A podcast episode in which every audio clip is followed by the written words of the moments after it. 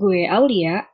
Di sini gue bukan orang yang expert, gue mencoba untuk menjadi teman belajar seputar self-improve. Semoga kebisingan ini bisa memberikan dampak positif bagi listener semua. Welcome to Noise Impact.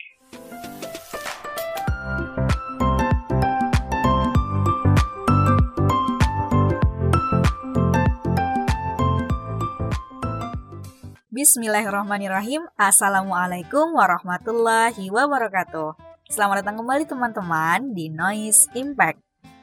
Ya, di episode 16 kali ini kita akan coba untuk membahas atau mengupas antara target dan ketidakpastian yang bikin greget.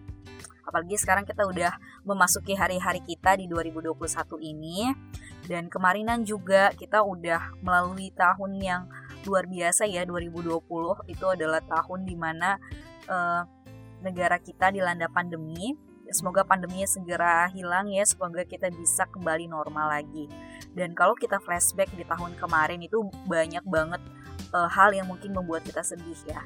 Harus kehilangan orang yang kita kasih atau kita cintai kemudian juga mungkin ada beberapa teman-teman yang dilanda uh, rasa yang sangat menyakitkan ya. Entah ya kehilangan seseorang ataupun kehilangan harta ataupun kehilangan pekerjaan jabatan dan hal itu kan mungkin merupakan satu hal yang sangat luar biasa lagi ketika kita ingin berjuang kembali. Karena kita sudah terdapat uh, kita memiliki keterbatasan yang kita punya dan kita tidak pernah prediksi pandemi itu akan terjadi dan kita harus melalui itu semua. Dan kita semua sudah luar biasa menurut menurut gue kita semua sudah hebat karena kita sudah bisa bertahan sampai dengan di titik ini. Seperti itu. Nah di episode kali ini uh, Noise Impact nggak sendirian gitu ya. Alhamdulillah kedatangan seorang tamu. Bukan ding sebenarnya gue yang ngundang gitu ya. Jadi saya yang ngundang sosok beliau ini. Beliau ini adalah teman saya waktu zaman kuliah. Kita pernah satu amanah di sebuah departemen di LDK kemudian juga uh, beberapa bulan kemarin sempat nonton YouTube-nya. Beliau ngebahas tentang kisah-kisah sahabat tentang tentang apa sih pandangan-pandangan dalam hal perspektif Islam seperti itu. Dan pernah dengar podcast beliau juga ngebahas tentang niat yang masya Allah gitu ya. Dan saya juga kepingin berdiskusi gitu ya. Gimana sih perspektif Islam memandang uh, antara target dan ketidakpastian yang justru kadang bikin kita greget gitu. Karena mungkin kok nggak sesuai atau tidak terlaksana. Sebenarnya problem itu di mana? Seperti itu. Nah alhamdulillah uh, beliau mau berkolaborasi dengan Noise Impact dan beliau ini adalah sosok yang aktif ya dalam dakwah gitu ya walaupun sudah tinggal di kampus lagi tapi beliau masih aktif mengurus dakwah di kampus kemudian juga uh, mengurus dakwah di masjid-masjid seperti itu. Masya Allah semoga kita bisa mengambil insight dari beliau. Jadi buat teman-teman yang pengen tahu uh, YouTube-nya, kemudian podcastnya itu bisa langsung kunjungin. Jadi nama podcast dan YouTube-nya itu nama beliau, namanya itu adalah Mas Aman Rozak. Bukan begitu? Sebenarnya uh, podcast ini termasuknya newbie ya. Jadi iya, saya waktu itu iseng-iseng buat podcast, eh ternyata di komen diajak kolaborasi ya udah Iya dong, kalau ada temen yang memang bagus dan dia memang apa sih cocok buat kita ajak kolaborasi, kenapa nggak kita ajak kolaborasi gitu. Nah gini man, kalau misalnya nih, uh, seperti yang kita ketahui bersama ya bahwa uh, kita ini hidup dalam kondisi ketidakpastian. Artinya uh, kita ini bingung gitu dengan kondisi ketidakpastian tersebut. Mungkinkah kita ini harus bersahabat dengan ketidakpastian? Artinya kita menikmati setiap sensasi yang mengejutkan yang selalu ia hadirkan.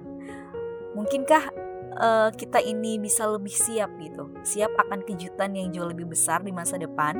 Mungkinkah agar kita ini lebih ikhlas menjalani hari-hari dengan penuh rasa syukur atas apa-apa yang sudah kita miliki hari ini. Tapi kondisinya kita tuh berada dalam kondisi yang kita bingung atas ketidakpastian tersebut. Nah, bagaimana sih uh, dalam per perspektif Islam memandang ketidakpastian seperti itu, man? Nah, jadi uh, ketidakpastian itu kan uh, pasti dalam hal finansial, dalam hal tempat tinggal, dalam hal uh, pekerjaan. Jadi uh, terutama dalam pandemi ini pasti banyak juga ya orang-orang yang uh, memang kehilangan pekerjaan, kehilangan jabatan dan lain seperti yang Mbak sampaikan tadi. Jadi eh, memang ketidakpastian itu kan eh, membuat kita itu tidak bisa merencanakan sesuatu. Atau ketidakpastian itu kan terjadi karena memang kita itu tidak merencanakan sesuatu. Coba kalau misalnya kita uh, sebelum jauh-jauh hari kita merencanakan sesuatu, mungkin walaupun adanya pandemi ini, pasti kita juga bisa survive karena kita sudah merencanakan sesuatu hal. Begitu. Seperti halnya uh, ini ya, Pak, dalam hadis arba'in yang keempat itu kan uh, Rasulullah SAW sabda ya. Jadi beliau menceritakan tentang penciptaan manusia, menceritakan tentang ketentuan nasibnya. Jadi uh, ada sesungguhnya salah seorang di antara kalian itu beramal dengan amalan ahli surga. Tetapi eh, hingga jarak antara dia dengan surga itu hanya tinggal satu hasta. Jadi jaraknya eh, seorang yang beramal dengan amalan ahli surga itu antara dia ke surga tinggal satu hasta. Tetapi catatan catatan takdir itu telah mendahulinya. Akhirnya dia pun beramal dengan amalan ahli neraka dan kemudian yang pun memasukinya. Dan sungguh salah seorang di antara kalian juga ada yang beramal dengan amalan ahli neraka hingga jarak antara dia dan neraka itu tinggal satu hasta lagi. Tetapi catatan takdir telah mendahulunya. Lalu ia pun beramal dengan amalan ahli surga, kemudian ia pun memasukinya. Jadi uh, kalau menurut saya ini ada kaitannya dengan yang Mbak Aul tanyakan tadi ya. Jadi uh, kalau kita bicara tentang akhirat, uh, kalau kita uh, dengan sudut uh, kalau kita dengan perspektif uh, manusia biasa atau perspektif uh, perspektif dunia itu kan memandangnya akhirat itu kan tidak pasti ya. Tetapi kalau misalnya kita memandang dengan perspektif Islam bahwasanya akhirat itu pasti dan di sini juga dijelaskan ketika manusia itu uh, menjadi mudghah atau segumpal daging jadi diutuslah malaikat uh, yang datang kepadanya ketika manusia itu menjadi mudghah. Jadi selama 40 hari, 40 hari dan juga 40 hari dan diutuslah malaikat. Lalu menyiapkan meniupkan ruh ke dalam itu uh, janinnya itu dan diberitakan malaikat itu diperintahkan oleh Allah untuk menuliskan empat hal menulis rizkinya menuliskan ajalnya menuliskan amalnya dan ia sebagai orang yang celaka dan juga orang yang bahagia. Jadi sebenarnya uh, Mbak Aul kita itu sudah dituliskan uh, oleh malaikat yang disuruh oleh Allah Subhanahu wa taala. Rezeki kita sudah dituliskan, ajar kita sudah dituliskan kapan waktunya, amal kita uh, sudah dituliskan uh, dan kita juga sebagai orang yang celaka atau orang yang bahagia. Makanya uh, ada doa yang diajar oleh Rasulullah SAW ya muqallibal qulub sabis qalbi ala dinik Nah, jadi kita meminta untuk diistiqomahkan di atas agamanya. Jadi sebenarnya uh, kalau misalnya kita itu sudah menjadi orang mukmin, kan tingkatannya itu kan yang pertama muslim, uh, yang kedua mukmin. Jadi kalau misalnya sudah di tingkatan mukmin, sebenarnya kita tuh tidak usah khawatir terkait rezeki. Karena rezeki itu sudah diatur oleh Allah Subhanahu wa taala, Subhanahu wa taala. E, contohnya saja ketika ada dua orang yang berjualan bakso sampingan, satu bakso Arema, satu bakso Malang misalnya, pasti rezeki kedua orang itu berbeda. Tidak mungkin sama, walaupun resepnya sama, walaupun e, baksonya sama mungkin ya, pasti rezeki kedua orang itu berbeda karena Allah sudah menuliskan rezekinya dan seseorang itu sampai kepada ajalnya itu ketika rez, jatah rezekinya itu semuanya sudah sudah diberikan kepada orang tersebut jadi begitu Mbak Aul dalam menyikap, menyikapi uh, tentang ketidakpastian, terutama dalam hal rezeki, dalam hal uh, tempat tinggal, dalam hal pekerjaan.